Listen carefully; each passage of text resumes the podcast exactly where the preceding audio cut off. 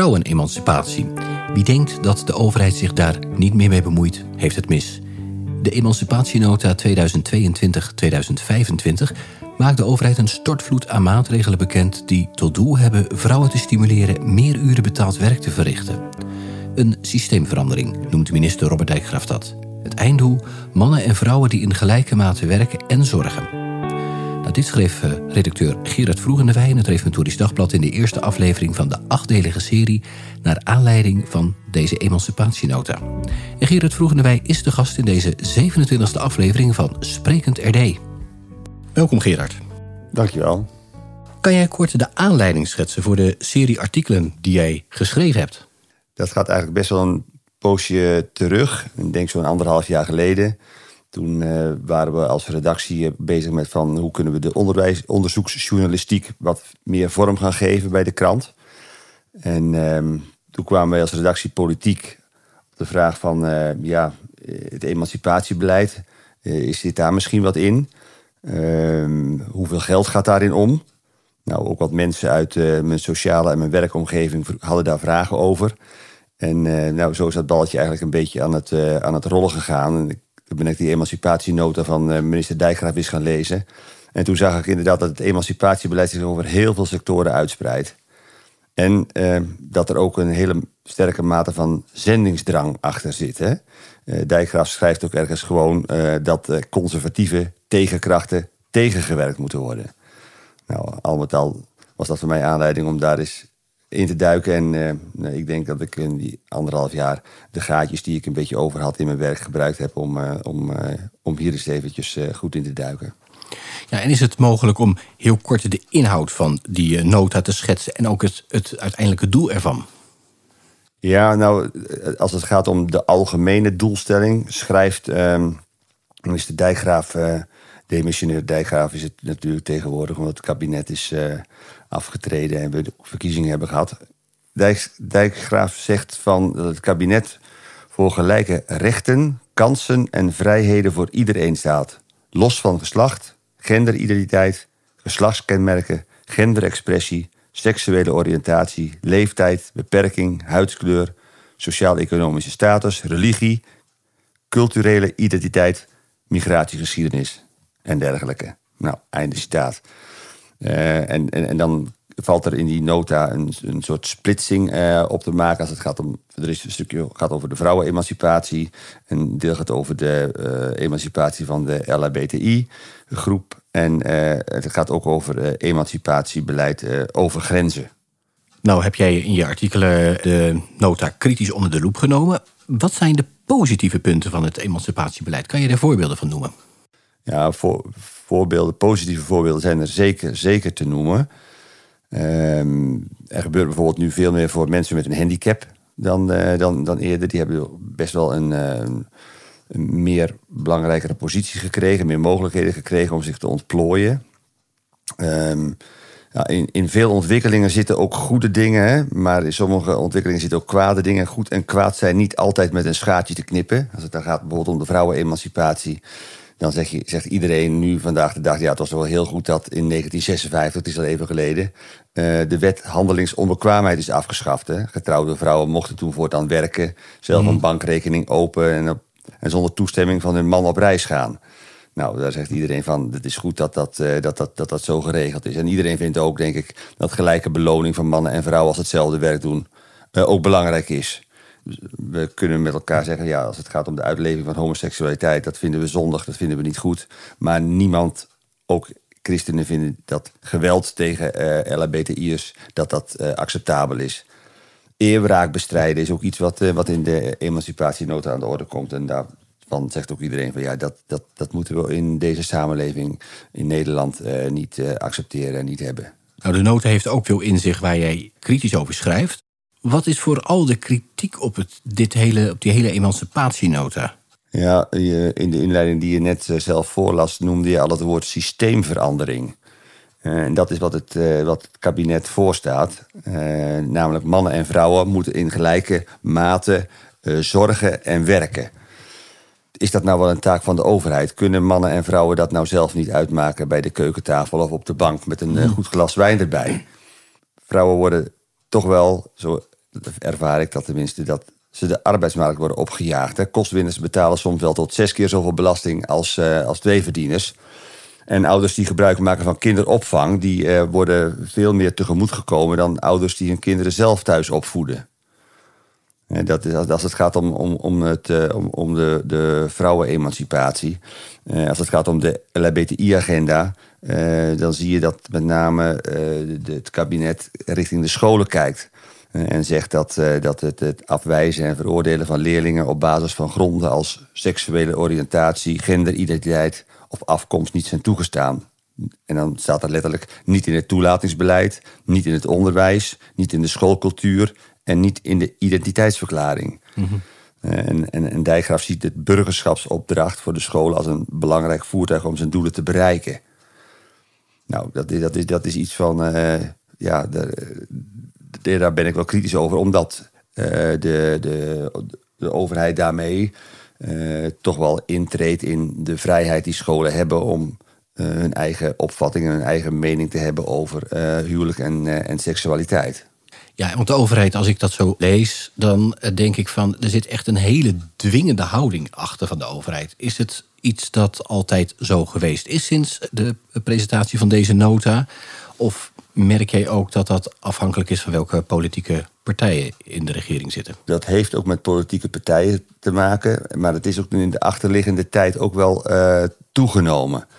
Uh, en, en, en, om dat te begrijpen, even een klein lesje staatkunde, als dat mag. Jazeker. Uh, grondrechten uh, die zijn van oorsprong bedoeld om de macht van de overheid ten opzichte van de burger te beperken. De overheid heeft namelijk steeds meer de natuurlijke neiging om alles te regelen en om alles naar zich toe te trekken. Nou, zo ontstonden de vrijheidsrechten. Burgers hebben vrijheid van godsdienst, van vergadering, burgers hebben vrijheid van onderwijs. Maar ook gelijke rechten werd, eh, werd daarin geregeld. De overheid mag geen onderscheid maken tussen burgers. Daar zijn we het allemaal met elkaar over eens. Dat noemen we dus de verticale werking van die grondrechten. Dus dat is de werking van de grondrechten tussen de overheid en de burgers. Nou, de problemen die zijn ontstaan toen de overheid besloot om die grondrechten ook een horizontale werking te geven. Dus ook tussen burgers onderling. Eh, en dan mogen bakkers bijvoorbeeld niet langer weigeren om een bruidstaart te, te maken voor een homostel dat trouwt. En, uh, en, scholen geen ouders en leerlingen weren die een andere visie op het gebied van huwelijk en uh, homoseksualiteit aanhangen. Nou, en, en als die uh, horizontale werking in de samenleving gerealiseerd moet worden, dan, dan heeft de, moet de overheid zich als het ware wel mengen in de gedragingen tussen burgers. En want dat gaat namelijk niet vanzelf. En als gelijke behandeling uh, tussen burgers een doelstelling wordt, uh, dan, dan ziet de overheid het ook als een taak om die ongelijke behandeling tegen te gaan. Mm -hmm. En uh, ja, en dan, en dan krijg je dus overheidsbemoeienis met, met zaken die uh, betrekking hebben tussen wat burgers onderling doen. Ja. Nou, uh, in een van de afleveringen zegt de Venendaalse grondwetdeskundige Henk Post van, ehm, dat dat een, een, eigenlijk een ontsporing is van het recht op non-discriminatie. De horizontale werking, zegt hij, wordt te ver doorgetrokken. Ik ben Robert Dijkgraaf. Ja, ik ben verantwoordelijk voor het beleid rondom uh, LHBTIQ+.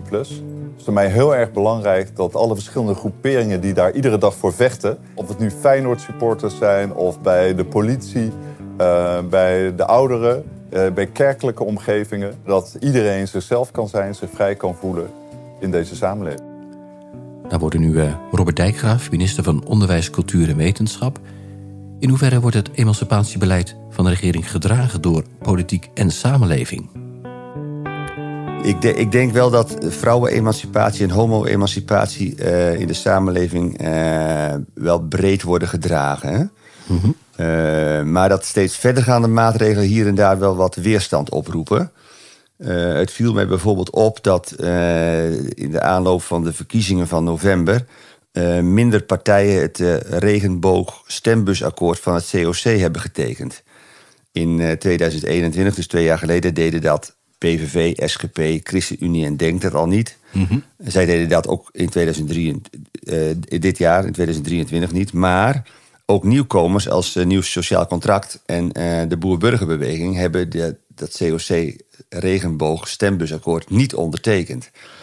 Um, en in zetels uitgedrukt betekent het dat op dit moment 77 van die 150 Kamerleden dat regenboogstembussakkoord niet onderschrijven. Je zou daarin kunnen zien van ja, dat, want daarin wordt toch vrij expliciet en vrij uitgebreid allerlei dingen uh, verwoord. Dat daar op dit moment in ieder geval minder draagvlak voor is dan uh, op het moment dat uh, er een, een, een, een, linkse meerderheid is ja. in, de, in, de, in de samenleving ja. en in de Tweede Kamer.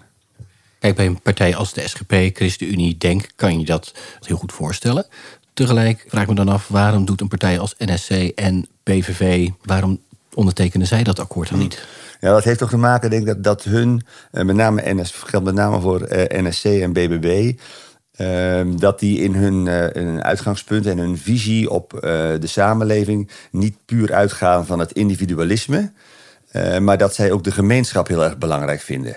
Dus, dus de samenleving vormen, eh, eh, gezinnen, scholen, kerken, verenigingen. Eh, en op het moment dat je zeg maar, de, de gemeenschap een, een belangrijkere positie geeft en meer in stelling brengt, dan, dan, dan heb je ook minder behoefte om het hele individualistische van de homo-emancipatieagenda te onderschrijven.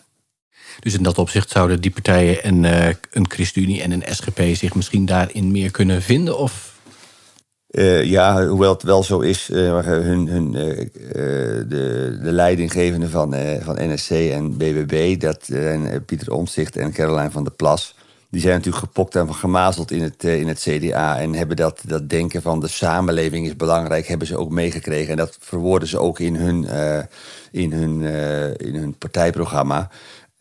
het zijn eigenlijk, ja, je zou kunnen zeggen, een beetje CDA zonder C. Maar het, de notie van uh, het samenleven en de, de, noodzaak van uh, gezinnen, dat dat belangrijk is, die komen bij die partijen ook nog wel, wel aan de orde. Ja, maar het CDA heeft wel meegetekend, toch? Met het. Ja, maar het heeft wel, maakt altijd wel een voorbehoud bij een aantal dingen. Als het gaat om meer ouderschap en als het gaat om de verplichte toelating op christelijke scholen. Nou, heeft de regering ambitie hè, met, met die emancipatienota om dat in Nederland door te voeren. Maar het gaat verder, want ze willen ook eigenlijk uh, hun nationale ambities wereldwijd opleggen, als ik dat zo goed begrijp. Is Nederland daarin uniek? Of werken er meer landen op die manier? Dat ze zeggen van uh, met andere landen willen met jullie samenwerken, we willen jullie ondersteunen met uh, financieel andere middelen. Maar dan moet je wel je wetgeving aanpassen. Ja, ik, ik ben maar een eenvoudige politieke redacteur, dus ik kijk wel wat over de grenzen, maar niet heel erg ver. Uh, misschien dat het de buitenlandredacties eens een keertje uit moet gaan zoeken. Wat ik wel weet is bijvoorbeeld dat het uh, uh, VN-comité voor uitbanning van alle vormen van discriminatie van vrouwen. Die heeft bijvoorbeeld consequent verklaard dat restrictieve abortuswetgeving discriminatie van vrouwen inhoudt. en en, en dat, dat, dat, promoten ze ook. En dat willen ze dan ook aan de man brengen in landen die het daar niet mee eens zijn.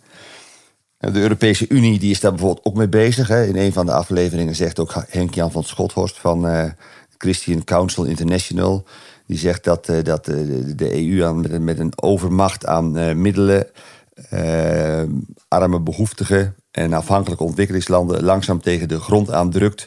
En uh, hun, uh, hun, de visie die ook de EU heeft op het gebied van emancipatie oplegt aan die landen. En als ze dan niet akkoord gaan daarmee, dan, dan komt er ook geen, geen, geen steun. Nee, nee. En in het geval van een van de landen, ik meen Oeganda, heeft dat ook geleid tot concrete uh, stopzetten van... Ja, dat eh, is in, dat is in, in Nederland, dat heeft Nederland zelf gedaan. Hè. Toen uh, de, de, de president van Oeganda uh, maatregelen aankondigde... om de uitleving van homoseksualiteit aan banden te leggen. Toen heeft Nederland een, een overeenkomst met Oeganda... in ieder geval stopgezet.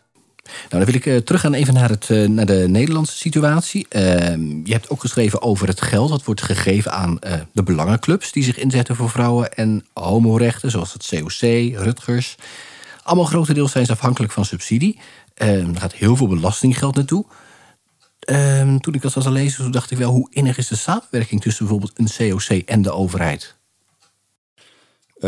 Nou, die is, best wel, die is best wel innig op sommige, op sommige punten. Um, er zijn verschillende uh, overlegclubjes. Uh, waar dan het, het, COC bij betrokken is. Elk half jaar zitten ze bij de minister aan tafel. COC heeft ook internationaal de de ankers uitgegooid en binnen de VN hebben ze een bepaalde positie verworven. en ze zitten ook regelmatig aan tafel met, met vertegenwoordigers van, van politieke partijen. Om, om te kijken van hoe dat het heel homo-emancipatiebeleid en alles wat daarmee samenhangt verder uitgerold kan worden. Dus de overheid die komt regelmatig met het COC in, eh, in, in, in aanraking. Ik, las ook ergens in een jaarverslag van uh, uh, dat er uh, ja, ook wel om de andere dag geloof ik wel een brief uitgaat naar, naar een overheidsinstantie of naar een andere organisatie.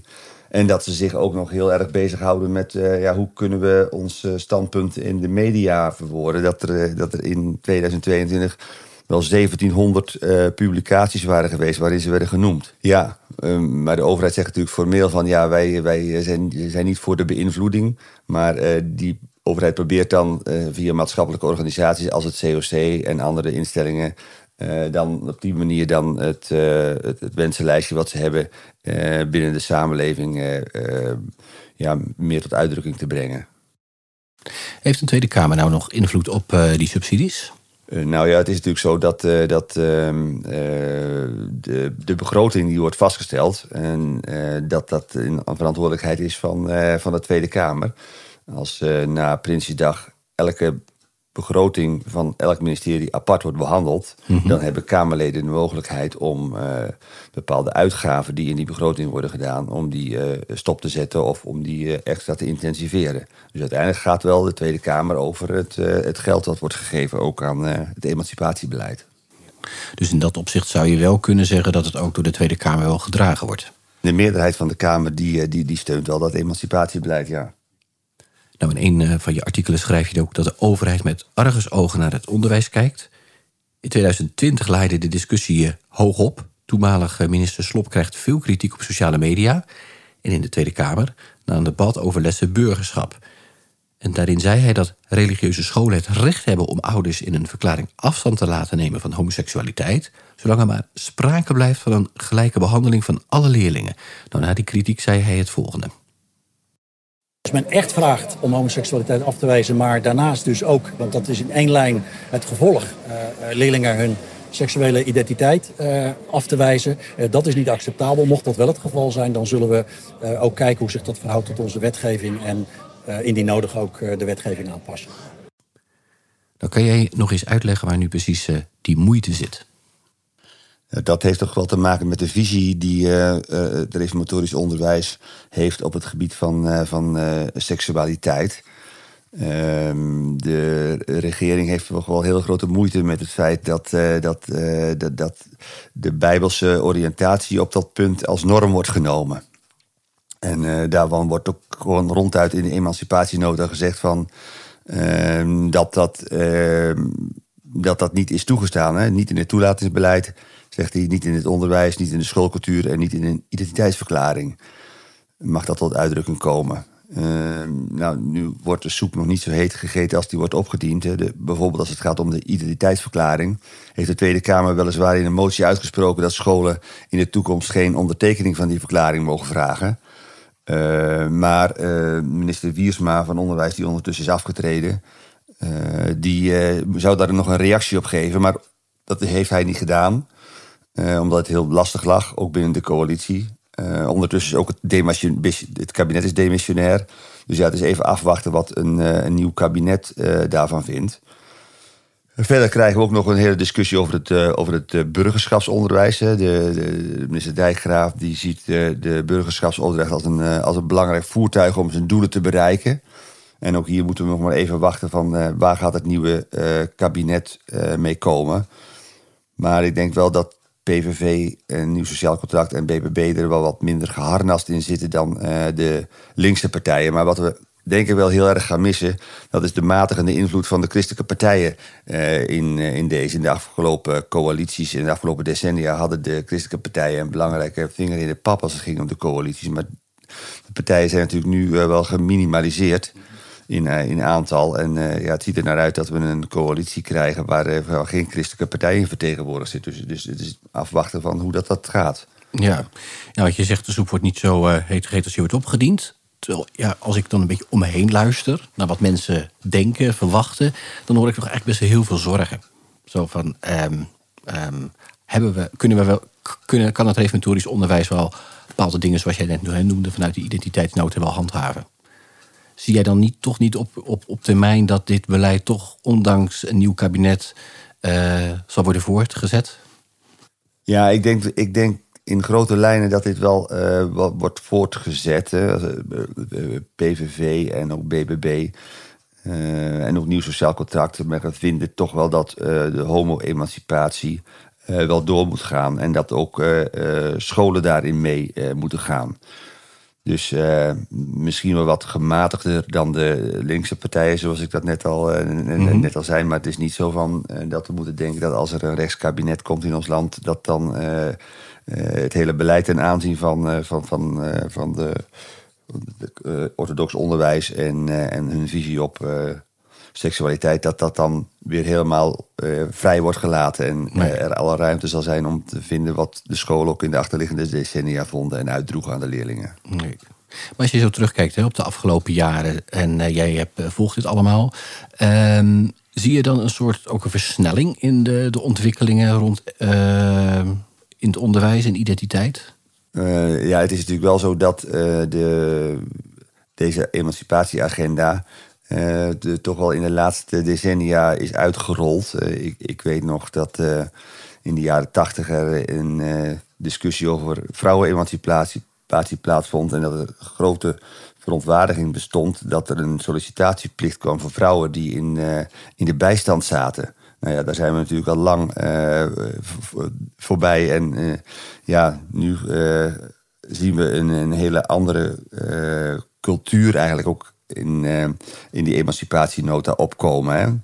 Uh, ik denk van, uh, ja, wat, wat, wat, zie je daar nou in? Een soort, bijna een soort radicaal individualisme in, in deze nota. er wordt geen enkele positieve maatregel aangekondigd om het gezin te beschermen. Mhm. terwijl het men, de mens juist een sociaal wezen is dat, dat binnen maatschappelijke verbanden gedijt. Uh, hoe belangrijk is het niet dat, dat kinderen in een uh, stabiele en uh, liefdevolle relatie opgroeien? kijk even naar de problematiek in de jeugdzorg.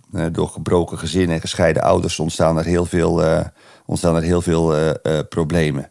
Dus ja, het, het, zou wel heel erg goed zijn, denk ik, als de overheid weer een minister van gezin zou aanstellen. En dat gezin ook weer echt centraal zou stellen in het beleid. En zoals het ook vroeger was, het gezin is en blijft toch een hoeksteen in de samenleving. En dat is de laatste decennia is dat eigenlijk, hoor je dat bijna niet meer, maar uh, dat is het altijd eeuwenlang geweest. En we moeten denk ik niet denken dat wij nu in, uh, in anno 2023 de wijsheid in pacht hebben en dat we dat wel even op een andere manier kunnen organiseren. Ik nog heel even terug met jou naar de, de christelijke politieke partijen. Ehm, die zullen niet in het nieuwe kabinet vertegenwoordigd zijn. Uh, in het verleden heeft, um, bij mij weten was dat Bisschop wel invloed er had gehad op die emancipatienota. Dat ook uh, naar het een en ander werd opgenomen over prostitutie. In hoeverre denk jij dat ze nog wel invloed kunnen hebben als het gaat om deze materie? Ja, kijk, in, uh, in een debat in de Tweede Kamer kunnen er natuurlijk altijd dingen gebeuren. En kunnen er altijd meerderheden ontstaan voor bepaalde opvattingen die je hebt. En uh, nou, daar is het debat voor bedoeld. En soms zie je daarin uh, hele mooie dingen gebeuren. Het voorbeeld wat, wat je noemde van het uh, prostitutiebeleid bijvoorbeeld. Ja, de minister wilde dat eigenlijk zelf niet in zijn emancipatienota opnemen. Maar Bisschop heeft er wel een meerderheid voor gekregen. En ja, nu zal in de toekomst nieuwe emancipatienota's ook een hoofdstuk opgenomen moeten worden over prostitutie. Dus die mogelijkheid is er altijd wel om, om wat, wat te kunnen doen, ja. En dat, dat is ook het, eh, het, het mooie van het, het, politieke debat. Dat daar ruimte voor is. Ja. Dan ben jij eh, zelf al jaren werkzaam als eh, redacteur. Je bent nu in, met deze emancipatienota heel specifiek bezig geweest. Hoe sta jij dan in heel die discussie? Wat, wat, wat maakt het bij jou los als jij daar mee bezig bent en over schrijft? Ja, nou, ik noemde net al, wat mij zorgen baart, is dat, dat hele radicale individualisme. Eh, waar eh, deze nota van, eh, van uitgaat. En nou, dat, dat, dat gaat ons denk ik als maatschappij heel wat, heel wat kosten als we de, maatschappelijke verbanden loslaten. En ehm, dat gaat met heel veel problemen gepaard. Dus je, je hoopt dat op enig moment toch weer de wal het schip gaat keren. Een klein beetje zou je kunnen zien van NSC, Nieuw Sociaal Contract en BBB. Uh, die gaan niet uit van het radicale individualisme waar bijvoorbeeld een VVD en, uh, en ook de linkse partijen van uitgaan. Dus ja, als die partijen wat meer uh, aanhang zouden krijgen, dan zou je misschien weer een gezonde tegenbeweging krijgen tegen mhm. dat radicale individualisme in het emancipatiebeleid. en als het gaat om het onderwijs, ehm, ja, ben ik toch bang van dat we wel te maken gaan krijgen met een overheid die steeds meer gaat voorschrijven wat wat wel en niet mag. Hè. Ooit zei uh, oud-fractievoorzitter uh, uh, Gert Schutte van het GPV... zegt de vrijheid van onderwijs is een onrustig bezit... en die moet iedere keer weer bevochten worden. nou ja, nu de christelijke partijen geminimaliseerd zijn... en wat je net zelf ook al zegt, de verwachting is dat ze niet in het kabinet komen... valt er wel te vrezen dat er op termijn hier wel dingen gaan veranderen. Ja, Denk jij, vind jij dat de, het reformatorisch onderwijs voldoende kan uh, duidelijk maken uh, wat hun ja, bestaansrecht is?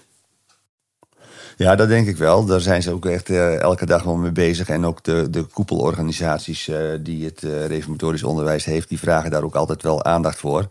De, de vraag is alleen van, wordt hun argumentatie ook gehoord en wordt die ook overgenomen? Of laten ze maar voor wat het is en houden de mensen hun eigen redenering. En denken ze van, nou laten, laten hun maar praten, dat vinden zij. Maar wij beslissen ondertussen en wij vinden dat dat en dat moet gebeuren. In acht artikelen schrijf je voor het Reformatorisch Dagblad over alle aspecten van het emancipatiebeleid. Deze zijn te lezen op rd.nl slash emancipatie. Ik wil jou heel hartelijk bedanken voor dit gesprek. Heel graag gedaan. Dit was Spreken Today voor deze week. Bedankt voor het luisteren. Heb je vragen of opmerkingen? Mail die naar podcast.rd.nl. En volgende week dan staat er weer een nieuwe aflevering voor je klaar.